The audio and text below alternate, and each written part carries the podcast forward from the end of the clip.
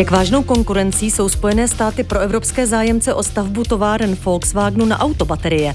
Proč Národní úřad pro kybernetickou bezpečnost považuje čínskou aplikaci TikTok za hrozbu pro úřady, ale i širokou veřejnost? A proč v Gruzii vyvolal tak bouřlivé protestní demonstrace tzv. zákon o zahraničních agentech? O tom všem budeme mluvit. Ministerstvo průmyslu obchodu i management Škody Auto dnes mírnili spekulace, že by koncert Volkswagen mohl odložit plány na stavbu továrny na výrobu baterií ve východní Evropě. Tedy projekt, kde mezi potenciálními kandidáty figuruje i Česko. Britský list Financial Times napsal, že pro Volkswagen je teď prioritou výstavba továrny ve Spojených státech i s ohledem na pobídky v částce 10 miliard eur. Minister průmyslu Josef Síkela dnes uvedl, že o americkém plánu Volkswagenu byla Praha předem informovaná. Neměl Měl by mít vliv na podobný evropský projekt a jednání české vlády s koncernem prý pokračují. Naše pozvání přijal viceprezident Svazu průmyslu a dopravy Radek Špicar. Dobrý den. Dobré odpoledne.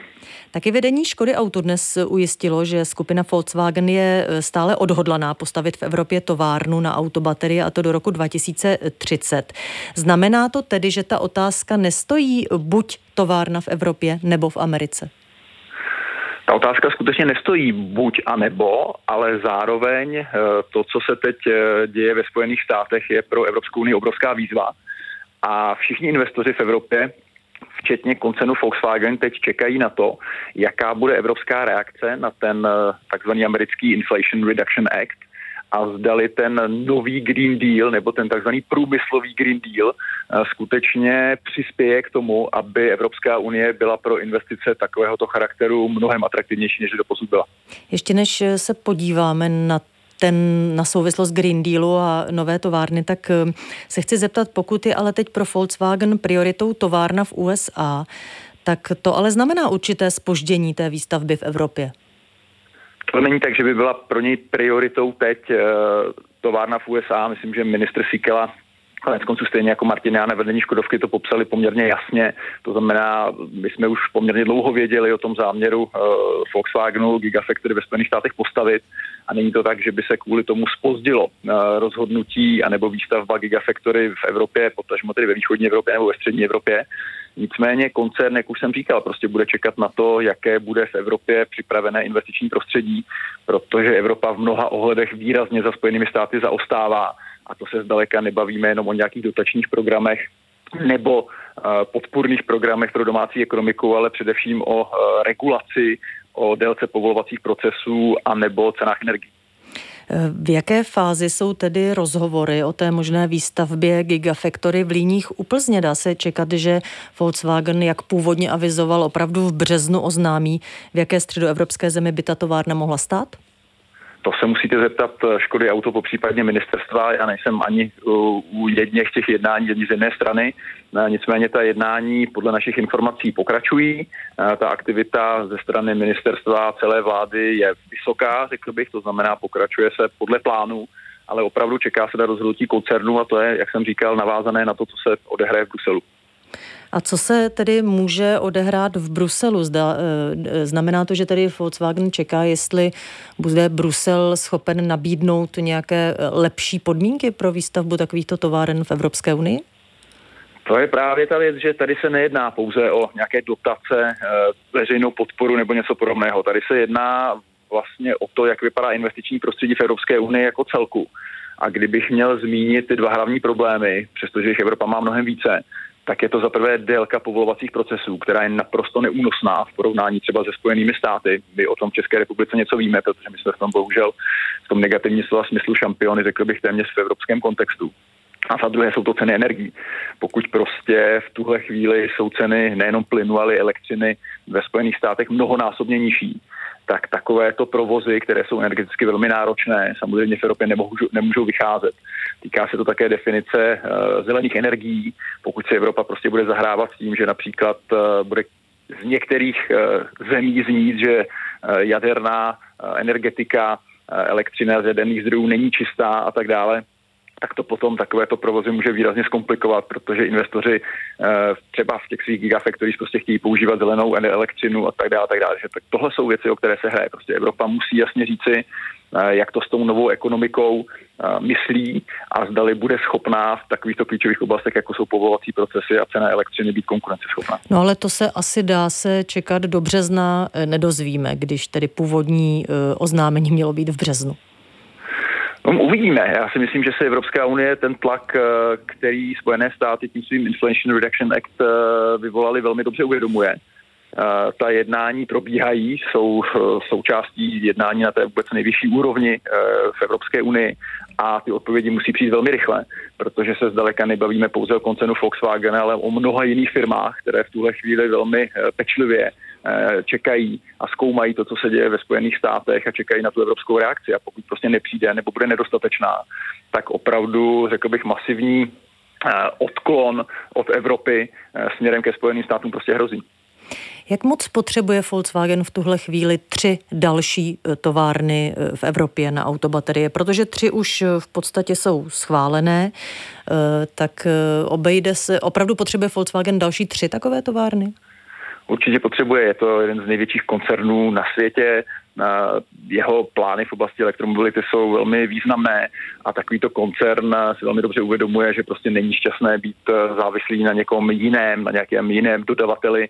On potřebuje tu strategickou suverenitu získat, tak jako i konec konců potřebuje získat Evropa vůči před několika měsíci vůči Rusku v oblasti energetiky, vůči Číně v oblasti lékové politiky nebo výrobě takových klíčových výrobků, jako jsou solární panely nebo právě eh, baterie do elektromobilů. Takže nejenom, že si to uvědomí státy, eh, celá Evropská unie, uvědomí si to i firmy eh, a pro koncern tohle znamená, že prostě tu kapacitu potřebuje vybudovat a potřebuje vybudovat jak ve Spojených státech, tak v Evropské unii, ale tam prostě čeká na to, za jakých podmínek to bude moci vybudovat a za to pro něj bude v porovnání se Spojenými státy dostatečně atraktivní. No, abychom si udělali nějaké srovnání, pokud mají američané připravené pobídky mm, kolem 10 miliard eur, tak co může nabídnout případně Česká republika, potažmo Evropská unie?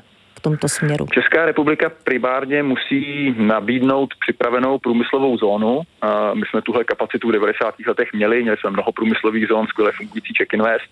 No, teď je to trochu problém, zvláště v Líních. Teď, teď je to trochu problém, přesně tak. Jako by ty minulé vlády měly pocit, že už tady nikdo takhle masivně ve velkém investovat nebude, že už prostě připravovat průmyslové zóny nebude potřeba, že nebude potřeba mít kompetentní státní úředníky schopné se o takovéto investice postarat. Současná vláda tohle manko teď dohání, řekl bych poměrně úspěšně, hmm. ale je to nezbytná podmínka, takže připravená průmyslová A kromě zóna. toho? Kromě toho samozřejmě veřejná podpora, to nebudeme si zastírat, že... A to víme, co jsme schopni nabídnout? Jakou Určitě částku? Já myslím, že já, tak to je na jednání koncernu s vládou, ale myslím, že v tomhle vláda jasně deklarovala svůj zájem koncernu pomoci a veřejnou podporu nabídnout, takže v tom bych až takový problém neviděl. No ale myslím si, že opravdu tou, tím trumfem v té karetní hře budou ty celoevropské podmínky a hlavně délka povolovacích procesů a celá elektřiny. A to je hmm. něco, co z České republiky můžete ovlivnit jenom do určité míry. Tady se opravdu čeká na to, s čím přijde Evropská unie v rámci toho takzvaného nového průmyslového zeleného zelené dohody. Ano. Radek Špicar, viceprezident Svazu průmyslu a dopravy. Děkuji naslyšenou. Nemáte zač naslyšenou. TikTok vyvolává obavy, a to takové, že před instalací a používáním této čínské aplikace varuje Národní úřad pro kybernetickou a informační bezpečnost. A to speciálně v telefonech a počítačích s přístupem k systémům kritické informační infrastruktury a dalším významným informačním systémům. Proto ministr vnitra Rakušan dnes řekl, že bude trvat na tom, aby TikTok neměli jeho zaměstnanci na žádné technice využívané ke služebním účelům. Kybernetický úřad ale označil TikTok za, hrobu, za hrozbu i pro širokou veřejnost. Aplikaci přitom používá zhruba polovina dětí a teenagerů pohybujících se v internetovém prostředí. Já teď ve vysílání vítám analytika, datového analytika Českého rozhlasu Jana Cibulku. Dobrý den. Dobrý den. Můžete schrnout, co vedlo NÚKIP k vydání tak jasného varování? On NUKIP kombinuje několik eh, jaksi signálů. Jednak eh, řeší technickou stránku, to znamená, že TikTok sbírá velké množství informací, které ani nepotřebuje ke svému provozu, provozu té aplikace a ty následně tedy odesílá na servery, které jsou dostupné i zaměstnancům z Číny, ale zároveň také jak si reaguje na to právní prostředí v Číně, protože tam si nemůžeme představovat, že jsou tam nějaké řádné ochranné prostředky, zákony, které my známe z demokratických států, ale řekněme, že každá ta obchodní společnost je jistým způsobem způsobem jaksi zavázaná té státostraně, to znamená, že jak si tam není ta garance nějakého řádného právního procesu, právě třeba v přístupu k těm datům těch uživatelů. Pokud má někdo TikTok na svém mobilu, tak co všechno o něm tím pádem TikTok ví nebo může vědět? TikTok sbírá poměrně velké množství údajů, sbírá informace o poloze toho telefonu, sbírá obsah komunikace mezi jednotlivými uživateli toho TikToku, eh, sbírá informace o nějakých technických identifikátorech toho zařízení, toho mobilního telefonu, to znamená, že je schopný ho identifikovat nějak dlouhodobě, sbírá informace o telefonním čísle, o identifikaci vlastně toho telefonu v telefonní síti a v neposlední řadě také sbírá informace z kalendáře a z kontaktů toho uživatele. To znamená, že má přehled o tom, s kým ten člověk komunikuje, kdo je, řekněme, řekněme, v té jeho sociální bublině. A je tohle problém eh, pro toho, kdo tedy má TikTok, ale nemá na něm svůj účet? Eh, je to problém pro každého, kdo tu aplikaci začne nějakým způsobem používat. Takže stačí pro... se na ní dívat. Ano, protože ta aplikace už v tu chvíli sbírá nějaké informace z toho mobilního telefonu nebo z toho zařízení, na kterém je nainstalované a odesílá je tedy. Jedna z těch eh, poměrně nepříjemných vlastností je, že na mobilních telefonech ta aplikace otevírá vlastně svůj vlastní internetový prohlížeč, ze kterého dále tedy sbírá informace o tom, jaké další stránky ten uživatel třeba navštěvuje. A dělá ta aplikace vlastně něco jiného než třeba Facebook? Za ty podobné praktiky jsou uh, kritizované obecně většina sociálních sítích, právě třeba i včetně Facebooku. Tady je opravdu ten, jako ten rozdíl, který, který NUKIP zdůrazňuje, je ta právě to odlišné právní prostředí a ta vlastně velká agresivita toho, co ta aplikace sbírá. Ale samozřejmě i v minulosti byly kritizované další sociální sítě za dost podobné praktiky a stejně tak potom i třeba legislativa ve Spojených státech, konkrétně FISA Act nebo Patriot Act, uh, otevírají jisté otázky, jaký je tam tedy ten oprávněný proces a jaké jsou tam ty zákonné ochrany při přístupu k datům těch uživatelů? No, eh, úřad, eh, kybernetický úřad před používáním TikToku varuje i veřejnost. Eh, tak jak vysvětlit 15-letému studentovi, který vám na námitku, že TikToku dává svoje data, řekne to, mm, že ho to nezajímá, že ta data TikTok stejně nezajímají a že tam nic tajného nemá? On má třeba pocit, že tam nic tajného nemá, ale třeba právě ta informace o tom, s kým člověk komunikuje, jaké webové stránky sleduje, jaký obsah konzumuje, tak o něm vypovídá poměrně hodně. A ač si můžeme říct dobrá, tak TikTok se třeba nezajímá konkrétně o mě a nemá důvod ta data nějak přímo zneužít, tak eh, v budoucnu on, ani TikTok není příliš motivovan ty data nějak řádně chránit. To znamená, že tady ty poměrně citlivé údaje následně mohou uniknout, pokud se někde budou sbírat a můžou v budoucnu vést třeba jako k nějakým nepříjemným situacím, kdy člověk zpětně uvidí tedy a bude zpětně známé třeba s kým si v té době dopisoval, o čem, nebo jaká videa třeba sledoval na tom TikToku. Mění nějak TikTok i to, co ten uživatel vlastně vidí? Eh, TikTok je vlastně, eh, nechci říct návykový, ale hodně oblíbený, protože vlastně čistě algoritmicky formuje to, co člověk vidí. To znamená, že když eh, sledujete nějaké video a strávíte na něm čas, tak TikTok to registruje a nabídne vám další videa, která jsou mu velmi podobná nebo má algoritmický pocit, že by vás to mohlo zajímat. Proto je tak oblíbený. Tohle jiné sítě do sociální sítě samozřejmě dělají také, ale ne do, jako v této intenzivní míře. Existují nějaké konkrétní případy a třeba důkazy, že opravdu přes TikTok někdo získal i citlivá data? Určitě eh, ten asi nejviditelnější případ bylo sledování novinářů Forbesu, eh, kdy TikTok vlastně ten sám tohle to zjistil během svého interního eh, nějakého šetření, kdy byla snaha v TikToku odhalit, kdo vynáší informace novinářům a ti lidé, kteří se to snažili v uvnitř té společnosti zjistit, tak zneužili právě data o poloze a o komunikaci novinářů, protože ti novináři sam, sami také měli tu aplikaci nainstalovanou a právě touto cestou se snažili zjistit, který z jejich zaměstnanců je v kontaktu s těmi novináři a poskytuje poskytuje jim informace. Říká Cibulka, datový analytik Českého rozhlasu. Děkuji, naslyšenou. Naschledanou.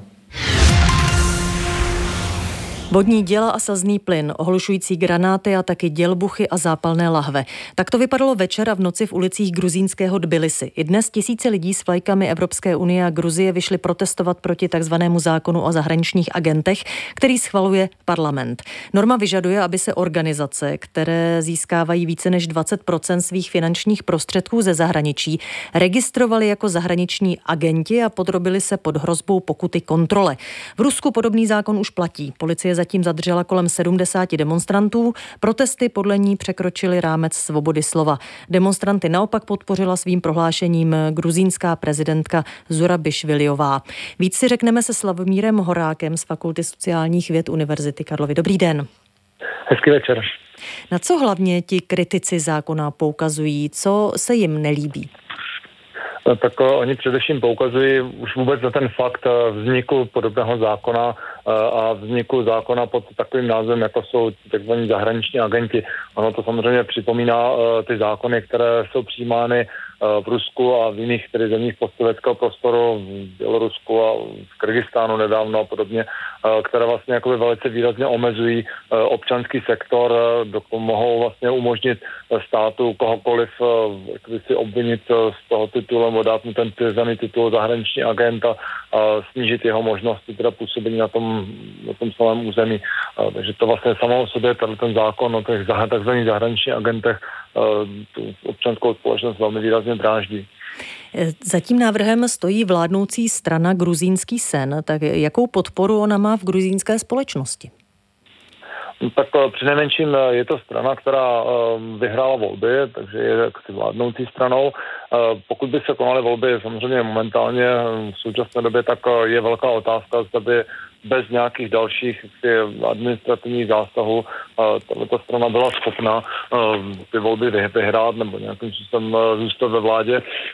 Na druhou stranu si nadále udržuje určitou popularitu s nejrůznějšími zásahy od nejrůznějších populistických snách až tedy po řekněme velmi výraznou osobnost, která stojí za touto stranou, byť teda není si přímo ve vládě, což je tedy Bedina Ivanishvili. Gruzie požádala v březnu roku 2022 o členský, členství v Evropské unii. Jak to jde dohromady s tím, že vládní strana e, navrhuje zároveň zákony, které by mohly ty naděje země na vstup do Evropské unie ohrozit? E, ano, to je právě další jedna z těch argumentů těch protestujících, že vlastně e, přijetí tohoto zákona by mohlo velmi výrazně zkomplikovat ten status kandidáta do Evropské unie, který tady Gruzie v loňském roce nedostala, o který usiluje vlastně těch bodech, které Evropská unie v loňském roce vydala, tak eh, je mimo jiné i teda posílení občanské společnosti nebo nedostatečné posílení občanské společnosti a podobně. Takže ten zákon vlastně zase vypadá, že připomíná to, že eh, by oslavení té občanské společnosti mohlo dojít a tím pádem by mohlo dojít vlastně k oddálení eh, toho kandidátského statusu pro Gruzii. Gruzínská společnost je po letech konfliktu s Ruskem už kvůli separatistickým regionům Abcházie a Jižní Osetie. Proč se teď objevují snahy a mají i mm, určitou podporu vládnout vlastně po vzoru Ruska? Ono to je těžké říct, jestli, do jaké míry, a já sám nejsem úplně schopen říct, do jaké míry je zde ruka Moskvy, byť samozřejmě Rusové se v Gruzii velmi snaží o to, aby teda vláda takzvaně šla mu Moskvě na ruku a Moskva je velmi momentálně spokojená s tím, jak se třeba Gruzie staví vůči Ukrajině. Na druhou stranu, on ten zákon, vlastně, když se na něj podíváme, tak on dost často není ani tak podle vzoru moskevského, jako spíš podle vzoru amerického, byť eh, ovšem s velmi nešťastnými formulacemi, eh, s velmi nešťastnými některými, některými těmi úpravami, eh, které právě řekněme, původně americký zákon blíží k tomu, k tomu zákonu ruskému, čili to je vlastně asi jeden z hlavních problémů. Ano, to je tuším ten zákon FADA, myslím, že se jmenuje. Tak ano. jaký je rozdíl mezi tím americkým a tím zákonem, který třeba je v Rusku nebo který chtějí přijmout právě v Gruzii? Eh, tak eh, ten americký zákon, pokud já nejsem teda odborníkem na eh, americké právo, americké zákonodárství, ale pokud vím, tak ten zákon vlastně stanovuje velmi no, řekněme, přísné regulativní mechanismy o tom, kdo tedy může vůbec být za toho zahraničního, takzvaného zahraničního agenda, pokud budeme se držet terminologie, kdo může být označený tímto způsobem.